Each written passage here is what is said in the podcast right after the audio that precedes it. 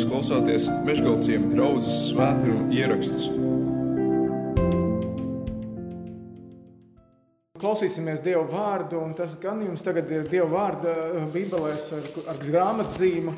Atzīmēts, ja vēlaties, jūs varat sekot līdzi. Vecā derība, otrā samola grāmata, 21. nodaļa. Ja kāds varbūt nevar nostāvēt šobrīd kājās, varat arī apsēsties, bet kas var, tad dodot godu Dievu vārdam, varam palikt vēl kājās. Otrā samala grāmata, 21. nodaļa, pirmie 14 panti.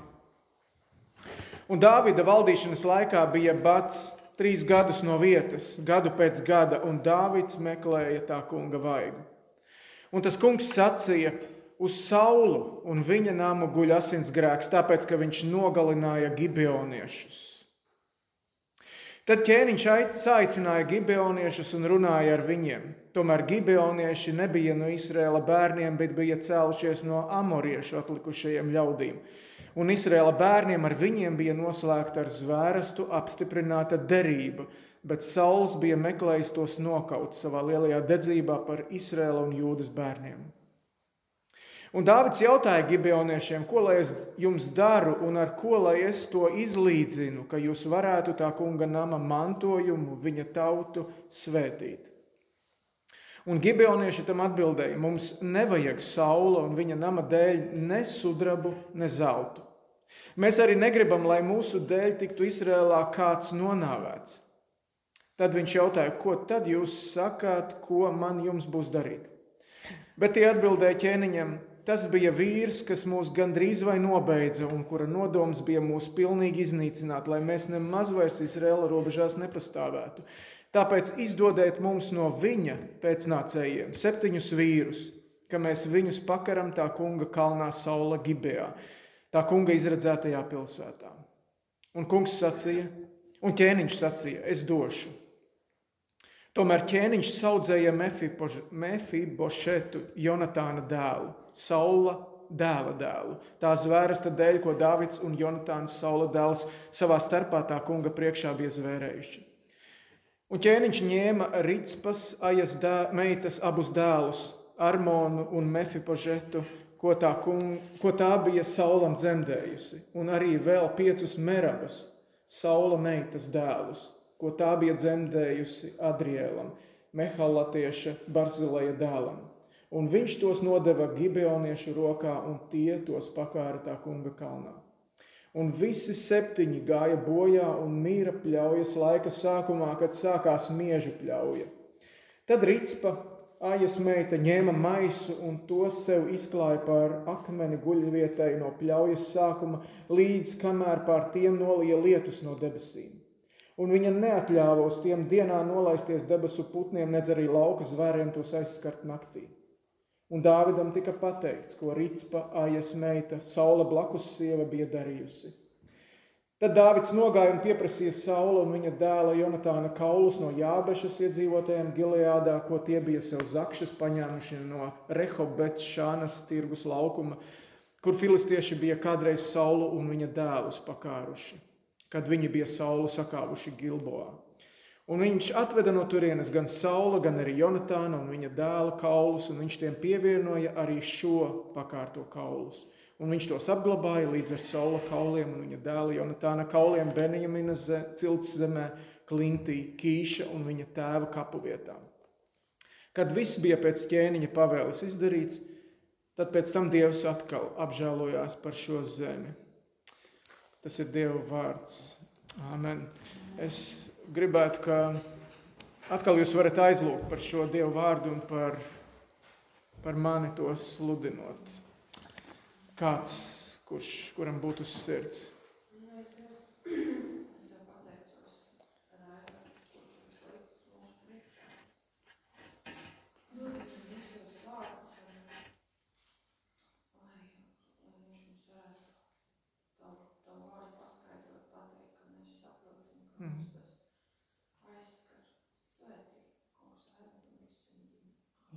Āmen.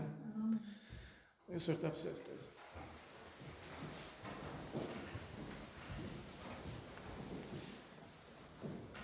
Šogad īsi pēc Jāņiem lauka atbalsta dienests izplatīja tādu paziņojumu.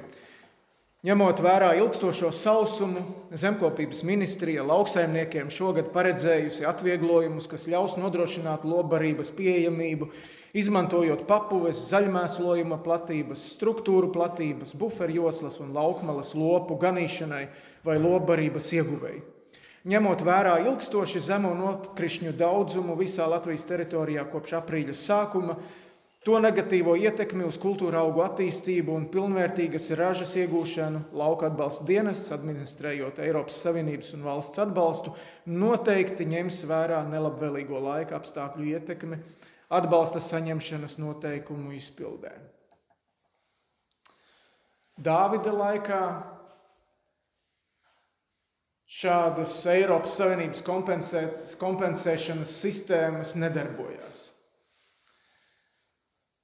Ja Dāvida laikā iestājās sausums, tad tas nozīmēja, ka būs bats, ka nebūs raža. Trīs gadu sausuma periods, kā mēs lasījām šajā Dieva vārdā, tā bija katastrofa.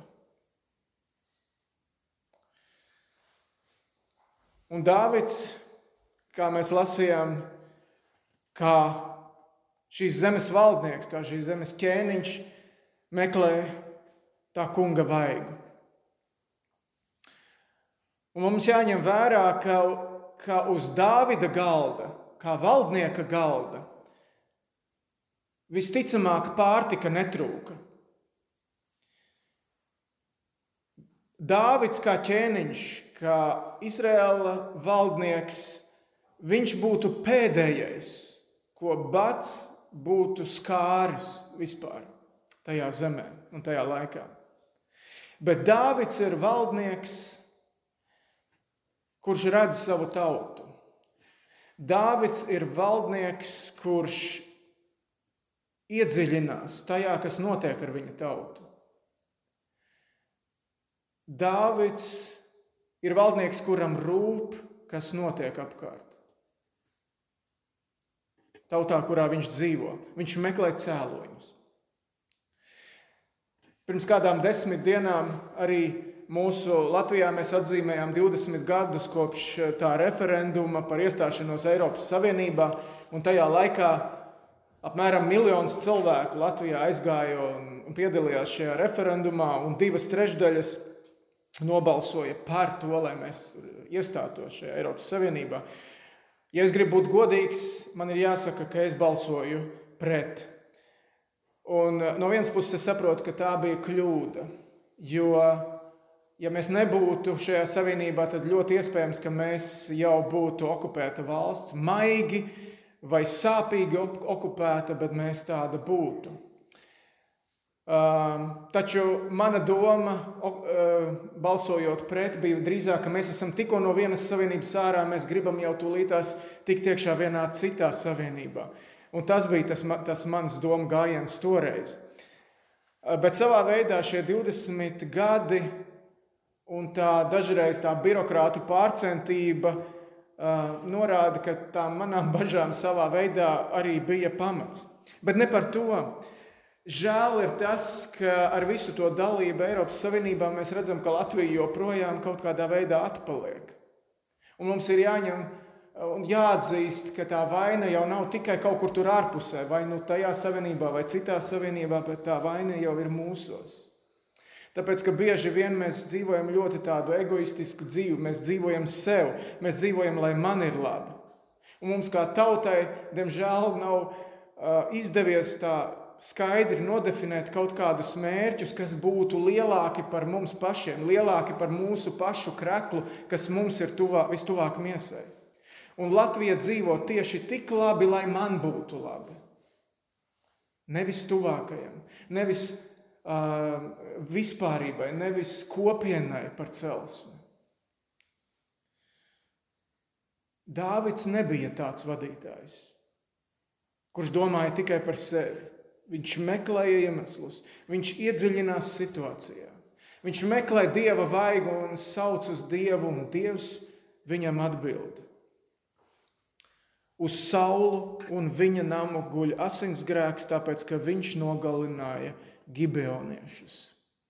Sauls bija iepriekšējais ķēniņš, pirms Dāvids nāca pie varas. Kas bija šie gibionieši? Tie bija kāda, kādas pagānu tautas atlikums, kurus, par kuriem Dievs ienākot, kad, kad viņa tauta, kas bija izvesta no Eģiptes verdzības un bija 40 gadus klīdusi tuksnesī, un tagad Jozus vadībā ienāca iekšā apsolītajā zemē, Dievs bija teicis, iznīciniet visas šīs tautas, kas tur dzīvo. Bet šie gibionieši, viņi tajā brīdī saprata, kas viņiem draud, kad nāk šis lielais pārspēks, šī migrācija iekšā viņu zemē. Viņi nospēlēja tādu kā teātri. Viņi sameklēja vecas drēbes, noplīsušus apavus, sapelējušu maizi un aizgāja pie izrēliešiem un teica: Redziet, mēs esam nākuši no tālas, tālas zemes, lai slēgtu ar jums mieru, jo mēs zinām, ka jūs esat spēcīgi. Bet mēs gribētu jums blakus kaimiņos dzīvot un, un būt derībā, būt līguma attiecībās ar jums. Un Jozo arī slēdz derību ar viņiem. Un tad pēc trīs dienām atklājās, ka viņi dzīvo tepat tās kaimiņu pagastā. Viņi nav nekādi tālie svešinieki. Ups, pārsteidzīgi, bet tas līgums jau ir slēgts. Tas līgums jau ir noslēgts. Un vecajā derībā eh, Dievs dod jau mūzum tādus nosacījumus, ka viņš saka, ja kāds vīrs dod solījumu tam kungam vai zvērē zvērstu savai dvēselē, ko aizliegdams, tad tas, lai tad lai tas savu vārdu nelauž. Viss, kas ir ticis ar viņa muti izteikts, tas lai arī tiek izpildīts. Šis līgums ar gibeoniešiem bija noslēgts, un viņi turpināja dzīvot Izrēla vidū. Sauls, acīm redzot, kaut kādā brīdī bija pārcenties. Viņš gribēja būt, kā mēs sakām, ticīgāks par pašu pāvestu. Viņš gribēja būt dedzīgāks par pašu Dievu. Viņš bija teicis, šitie ir tomēr sveštautieši, un viņus mums ir jāiznīcina no, uh, no šīs mūsu tautas vidus. Kā tas notika, mēs to nezinām. Jo Bībeles stāstījums par šādu notikumu nekur nepiemin to, ka Sauls būtu uh, kādu genocīdu veicis. Bet acīm redzot, tas ir bijis. Kādu kompensāciju tad gibionieši prasa? Viņi saka, naudu mums nevajag. Mums nevajag arī pēc tā, savā veidā pēc tā senā, uh, senajiem noteikumiem, zobu pret zobu, aci pret aci, dzīvību pret dzīvību, no Izraēla kā tautas. Mums arī šo nevajag. Bet, viņš, bet viņi saka, mēs gribam septiņus tiešos saula pēctečus. Izdod mums viņus, lai mēs viņus pakaram. Es nezinu, kā jums. Es šo stāstu lasīju kādas pāris nedēļas atpakaļ savā personīgajā klusajā laikā.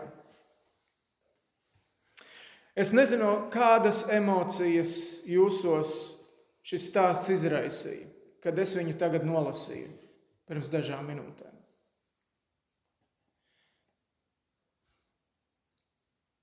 Man, manī viss sacēlās un teica, tas nav taisnīgi.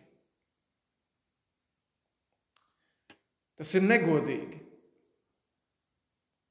Vienas mātes diviem dēliem un otras mātes pieciem dēliem ir jāmirst. Ir jāmirst miera laikā pie tām vēl.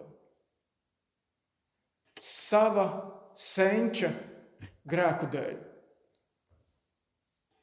Vai Dievs kaut ko tādu varēja prasīt? Vai tiešām Dievam patika šo septiņu vīru nāvi tādā veidā.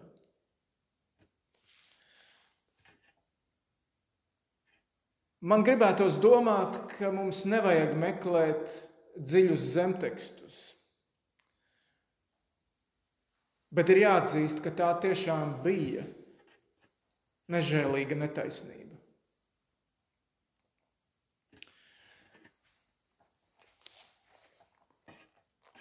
Jesaja, pravietis Jesaja, kurš dzīvoja apmēram 700 gadus pirms Kristus. Viņš redzēja, viņš skatās uz priekšu kādā redzējumā, kur viņš ierauga to Izraēla mesiju, kuru visa tauta gaida. Un kādā no šīs mesijas aprakstiem viņš saka tā, ka kapu viņam ierādīja ar bezdieviem, bet savā nāvē viņš bija ar bagāto. Kaut gan nekādu netaisnību viņš nebija darījis, un viltības nebija viņa mutē. Viņš redz šo mesiju nākotnē, un šis mesijas attēls ir tik neparasts, tik negaidīts, tik atšķirīgs no tā, ko visi gaidīja, kā jūdu tauta. Kāds būs šis ķēniņš, kurš nāks un izglābs un atbrīvos viņus no visiem, eh, no visiem apspiedējiem? Jā, šis mesija nāks, bet viņš tiks netaisnīgi sodīts. Un tad, kad vēlāk apustulis Pēteris, Jēzus māceklis, jau atskatās tajā pašā vēstulē, ko Jānis jau šeit lasīja, tajā pašā vēstulē, tikai citā vietā, viņš atskatās atpakaļ uz Kristus ciešanām, tad otrajās nodaļas, 22. un tālākie panti, viņš saka, viņš grēku nedarīja, nedz arī atrada viltu viņa mutē. Viņš zaimots neatbildēja ar zaimiem, ciestams nedraudēja, bet atstāja visu tam, kas spriež taisnu tiesu. Viņš uznesa mūsu grēkus savā miesā pie staba, lai mēs grēkiem miruši dzīvotu taisnībai. Ar viņa brūcēm jūs esat dziedināti. Viņš arī savā veidā atsaucās uz šo, uz šo iesaistas nodaļu, kur viņš, saka, kur viņš runā. Viņā neatrada netaisnību, viņā neatrada grēku, kādēļ viņam būtu bijis jāmirst. Tā bija kliedzoši nežēlīga netaisnība, kas notika ar Jēzu. Un tāpēc ir pārsteidzoši, varbūt, ka mēs lasām arī šo seno vecās derības notikumu, tad tas nobeidzas ar teikumu, kad viss bija pēc ķēniņa pavēles izpildīts, pēc tam Dievs atkal apžēlojās par zemi. Jo pēc vecās derības tad uz tā pie koka pakārtā cilvēka pleciem, ja viņu nenoņēma līdz saulrietam un neielika kapā, tad uz viņa pleciem gulēja lāsts. Un mēs redzam, ka šī māte neļauj tos, tos dēlus noņemt, līdz kamēr nāk lietus līdz kamēr būtībā sausums beidzās, līdz kamēr Dievs apžēlojās. Visi šie pa, iepriekšējās paudzes grēki, saula grēki, tautas grēki ir uz šiem pakārto pleciem. Bībele saka, jaunajā derībā, ka grēka alga ir nāve. Grēka alga ir nāve. Ja tu esi grēkojis, tu to neatpirksi ne ar kādiem ziedojumiem. Nekad. Lai cik tie dāsni būtu. Ja tu esi grēkojis, tad tavu grēku neizdzēsīs arī laiks. Tavam grēkam pret Dievu un tavu tuvāko nav noilguma. Grēku var izlīdzināt tikai nāve. Vai nu tava, vai nu arī kāda vietnieka nāve.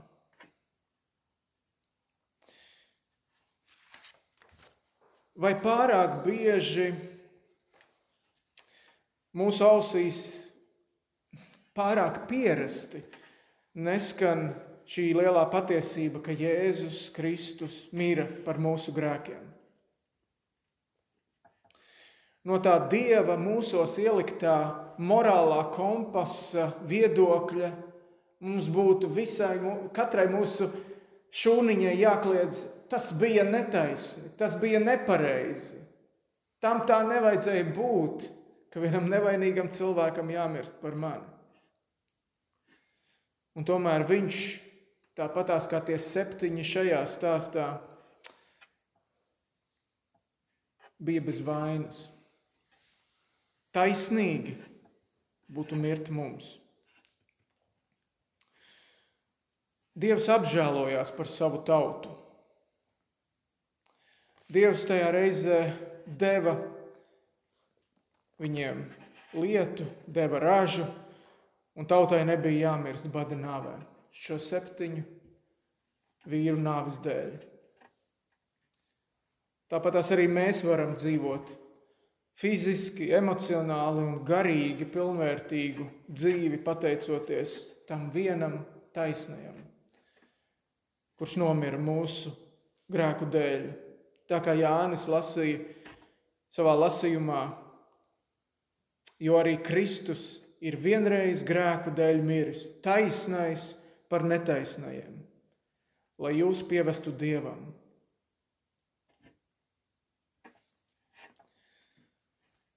Mēs pēc brīdiņa nāksim pie vakarēdienu, un apustulis Pāvils, tad, kad viņš par to runā, viņš saka, ikreiz, kad jūs baudāt šo maizi un, un dzerat šo biķeri, tad atcerieties. Dievs mums nebija parādā to, ko viņš izdarīja. Dievs nebija spiests mūs glābt. Ciest nevainīgam, tā bija viņa izvēle. Tā bija viņa žēlastība, tā bija viņa apžēlošanās par mums. Lūksim Dievu. Dievs, mēs apzināmies, ka mēs dzīvojam pasaulē, kurā notiek netaisnības. Notiek lietas, kuras mēs nesaprotam, kāpēc tās notiek. Bet mēs kā ticīgi cilvēki, mēs pateicamies, ka mēs varam uzticēties Tev ka Dievs gala beigās zina, ko viņš dara, un ka Dievs zina, ko un kāpēc viņš pieļauj. Un ka mēs kā ticīgi cilvēki varam uz, uh, uzticēties Tev un apzināties, ka Tu arī visu, kas ir slikts, ļauns, nesaprotams, nežēlīgs, vari griezt par labu tiem, kas Tev uzticās. Un mēs tev gribam pateikties par Jēzus nāvi, šo nežēlīgo, netaisnīgo nāvi mūsu dēļ. Mums tu to esi darījis par uzvaru, par grēku un nāvi. Lai tev par to pateicība, lai tev skan par to slāva. Jēzus vārdā. Amen.